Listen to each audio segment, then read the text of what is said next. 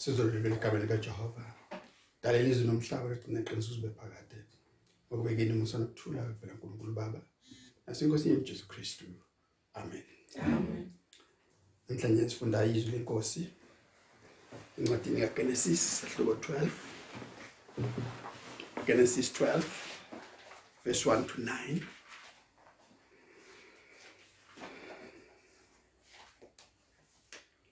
Genesis 12 verse 1 to 9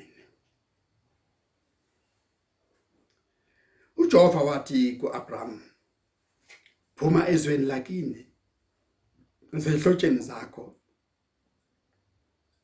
Uye ezweni engekukhombisa lona. Ngiyakwenza isizwe esikhulu. Ngikubusise. Ngenze igama lakho libe likhulu. Wena ube isibusiso. Ngiyakubabusisa ababusisayo noqalekisayo ngiyakumqalekisa. Imindeni yonke yomhlaba yakubusiswa kuwe. Wayesesuka uAbraham. Njengalokhu uJehova emtshelile uLothi wahamba naye. uAbraham wayeneminyaka engamashumi ayisikhombisa nanhlanu. Mhla ephuma eHarana uAbraham wathatha uSarai umkakhe noLot indodana yomfowabo nempahla yonke ababeyitho ababeyibuthile nezinceku ababezitholile eHarana. Basuka ukuya ezweni laseKhanana. Bafika ke ezweni laseKhanana. Bafika ezweni laseKhanana. Ama basuka ukuya ezweni laseKhanana bafika ke ezweni laseKhanana. uAbraham wadabula izwe waze wafika endaweni yaseShekemi naseOkini laseMore amakhanana ayesekhona ezweni. uJehova wabonakala kuAbraham wathi lelizwe ngiyakunika inzalo yakho. Wamakhela khona ialtari wamakhela khona ialtari uJehova owabonakala kuye. Wayesesuka lapho waya entabeni ngasempumalanga kwaseBetheli wamisa itende lakhe eBetheli lingase ntshonalanga yeAyi lingasempumalanga wamakhela khona uJehova ialtari wakhuleka egameni likaJehova. Ngasemuva uAbraham wahamba waqonda njalo ngaseningizimu. Yizwi lakho simakade siyabonga kakhulu nangalesikhathi indlela okhuluma ngayo kuthina. Sibusiseke usigcine usilondoloze usiphe ukuthula kwakho. Amen. Amen. ngithanda kuba sikhuluma ngale ndaba yize kwindaba ejwayelekile phakathi kwethu. Kodwa namhlanje ngifuna ke siyibheke nje kafishane. Akuzona indaba ende nokho. uNkulunkulu singambheka njengomvangeli uphemba ibandla lakhe. Siyazi ukuthi Genesis 11 ukuthi kube nesiyaluyalo sabantu bezakhela umbhoshongo waseBhabhele wabahlakaza uNkulunkulu. Kwadaleka izilimi eziningi ebezingekho ngaphambili siyazi ukuthi emva emva kazamcolo uNkulunkulu wazama ukusebenza ngomndeni kaNoah ongazange kuphume kangako nokho. And manje uphuma umkhankaso okwakha ibandla lakhe. Andiqala ngomuntu oyedwa. Ubiza umuntu oyedwa. Ubiza uAbraham. Khona abantu abanenhlanhla yokushunyezwa uNkulunkulu direct. Kungekho omunye umuntu eceleni uNkulunkulu akhulume nawe direct. Yilokho esikubona la kuAbraham. uNkulunkulu uyambiza uthi phuma ezweni lakini. Andilokho sokungokwesibili uNkulunkulu ekhuluma noAbraham ngalendlela ukhulumile ekuqaleni esesezweni lase-Uri. Ngobheka isahloko 11:31 kube lapho uAbraham kuqala uNkulunkulu ekhuluma naye. Wabutha bonke abakubo oyise nonina. Andi endleleni bafika bazinza la eHarana. Sengathi uye waphela umyalezo mabese sebeseharana. Banganaka okuqhubekela phambili ukuthi bekuthiwe bekuthiwe kuAbraham akaphume aye eKhanana. Kubukeka sengathi utheme efike eHarana wazinza kwamnandi. Wacabanga ukuthi sekuyilona iKhanana leli. Kodwa uNkulunkulu umyalezo wakhe ukapheli ubuyela kuyena uthi phuma ezweni lakini. Naleli harana liseyizwe lakini. Akakabi yizwe mina engikhathele lona akakabi yizwe engithi mina lifanelwe wena.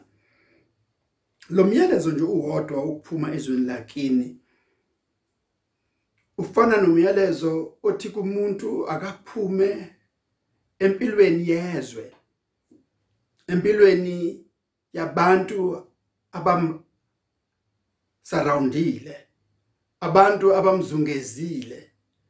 Impilo akhula ngayo impilo ayijwayele impilo yakubo yokwenza noma yini nokuphila noma kanjani kodwa uNkulunkulu unempilo ehlukile kunaleyo.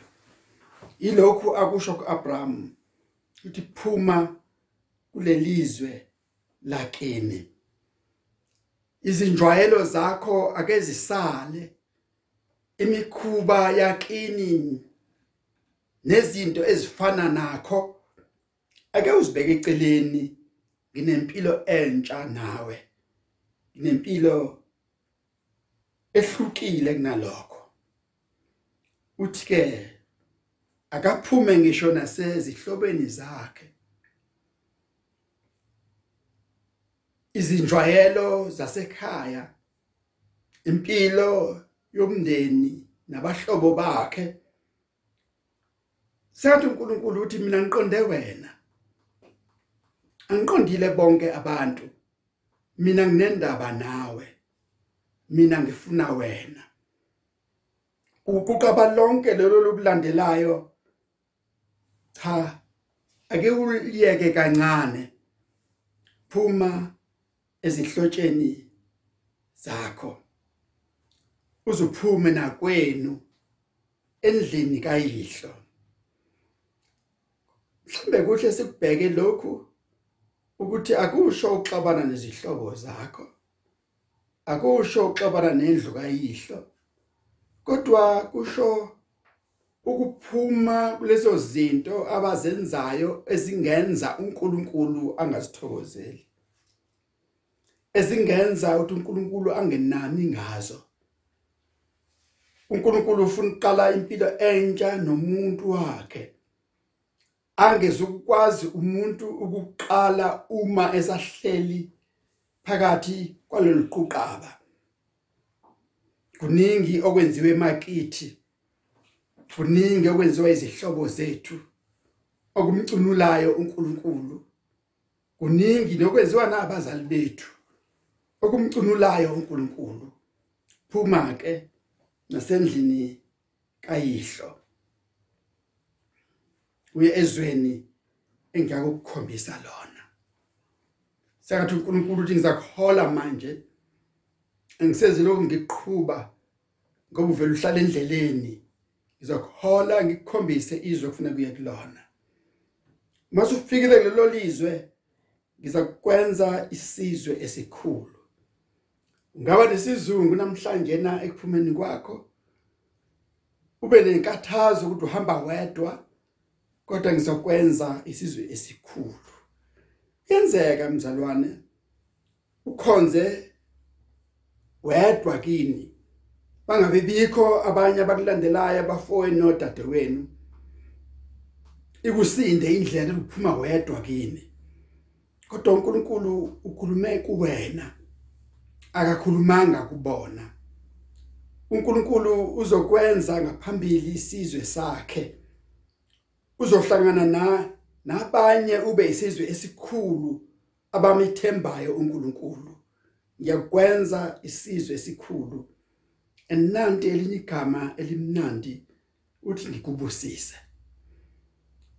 Uma uhleli la uhleli khona angizukubusisa ngoba usemdibini wabantu abantamo likhuni usemdibini wabantu abangalaleli abangenzi intando yami. Kodwa uma uphuma ngiyakubusisa ngiyakubusisa ayikho into emnandi njengokubusiswa nguNkulunkulu. Ngikwenza isizwe esikhulu ngikubusise. Okwesithathu uthi ngizokwenza igama lakho libe likhulu. Igama lakho ngizolenza libe likhulu. Igama elingapheli igama elingalibaleki. Ena namhlanje na kusukela leya minyaka yasendulo igama lika Abraham liyakhulunywa liyaziwa igama elikhulu. Phakathi kwabakholwayo ubizwa ngoyise wamakholwa andilokhu akushilo uNkulunkulu amthembisa kona ngizokwenza igama lakho libe likhulu. And wena ube isibusiso. Qale wathi ngiyakubusisa. Ngenze igama lakho libe likhulu. And manje uthi wena ube isibusiso. Akuselona nje igama lakhe elikhulu. Akusekona nje ukuthi ngiyakubusisa kodwa uthi uNkulunkulu isibusiso siya kuba nguwe the actual blessing it will be you. Wena yokuba isibusiso abantu abaningi abayazi lenjabulo yokuba isibusiso yonga langazeleli nje ukubusiswa thandazele nje isibusiso but wena qobo. Ube isibusiso isibusiso kuNkulunkulu. Isibusiso kwabakubonayo. Isibusiso kwabahlala nawe. Isibusiso empilweni yonke.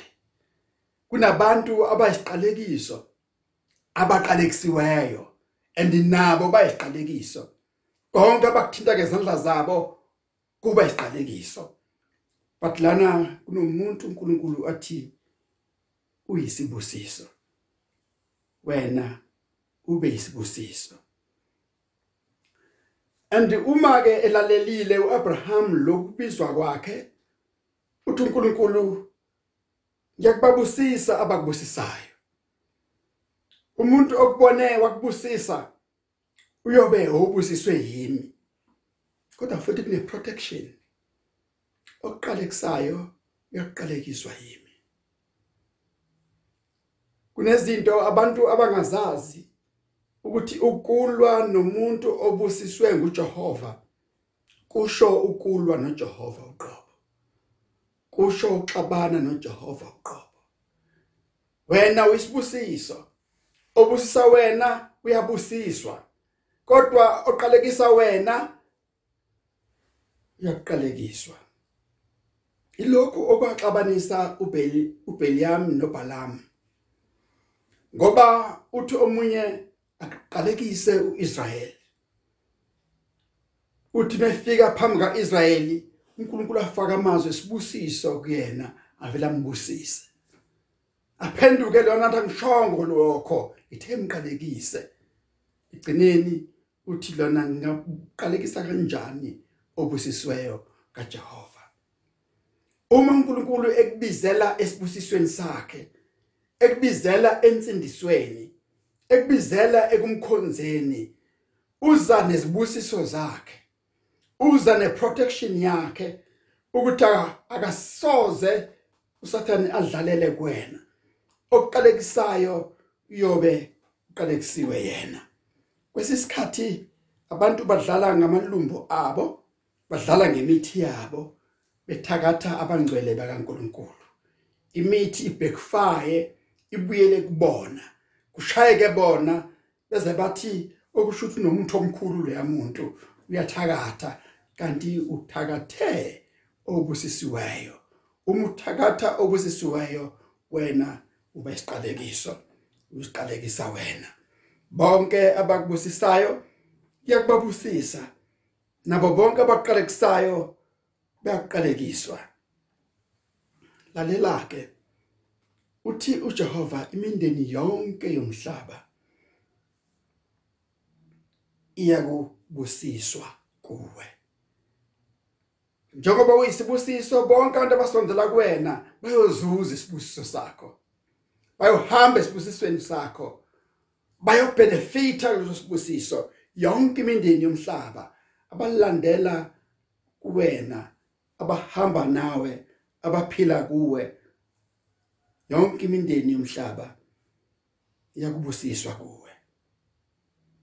Wongabuye uhlaleleni usutshelwe indaba ezinkulu kangaka. Wongabuye ulibaleleni uNkulunkulu esekubusisile ukupha konke. Ingakho kuthiwa lana wasuka ke uAbraham njengalokhu Jehova emtshelile. uLothi wahamba naye Abraham wayeneminyaka engamashu engamashumi ayisikhombisa nanhlanu mhla ephuma eHarana. Abraham wathatha uSarai umkakhe noLothi indodana yomfowabo nempahla ababeyibuthile nezinceku ababezitholile eHarana. Basuka ke esweni basuka ke ukuya esweni laseKhanana andibafika umunye mehlabelela uthi ngasuka ngamlandela ashiya izihlobo zami ashiya izwe lakithi kasuka ngamlandela. Ndilokhu okwenziwa Abraham and wafika ke akasukanga nje wakhathala endleleni kodwa wafika ke ezweni laseKhanana and imefika ezweni laseKhanana ufika amakhanana sekhona uverse 6 uthi walidabula lelo lizwe waze wafika endaweni yaseChekemi naseOgin lesemore amakhanana ayesekhona ezweni. Kongelona izwe empty kodwa kwakuyizwe linabantu and uNkulunkulu weletha umuntu wakhe. Weletha umuntu ohlukile weletha ibandla lakhe. Weletha isizwe sakhe kulelizwe. uJehova wabonakala kuAbraham. Gcine lapha eqaleni ethi phuma ndi wamnika zonke izinto athi akaphume ngazi izibusiso njalo njalo neprotection. And mesefikile lezweni selidabula walibona walihlola and uNkulunkulu siyaqhamuka and uNkulunkulu wabonakala kuAbraham wathi lelizwe ngilinika ngikunika lona nenzalo yakho. Abraham waresponda ngokumakhela uJehova ealtari wakhonza wenza inkonzo yokuqala ezweni laseKhanana wenza inkonzo yokuqala yomnikelo ezweni uJehova amnika lona. Wamakhela uJehova ialtari khona. Wayesesuka lapho waya entabeni ngasempumalanga eBetheli wamisa itende lakhe eBetheli. Ngasentshonalanga yeAyi lingasempumalanga wamakhela khona uJehova ealtari wakhuleka egameni likaJehova.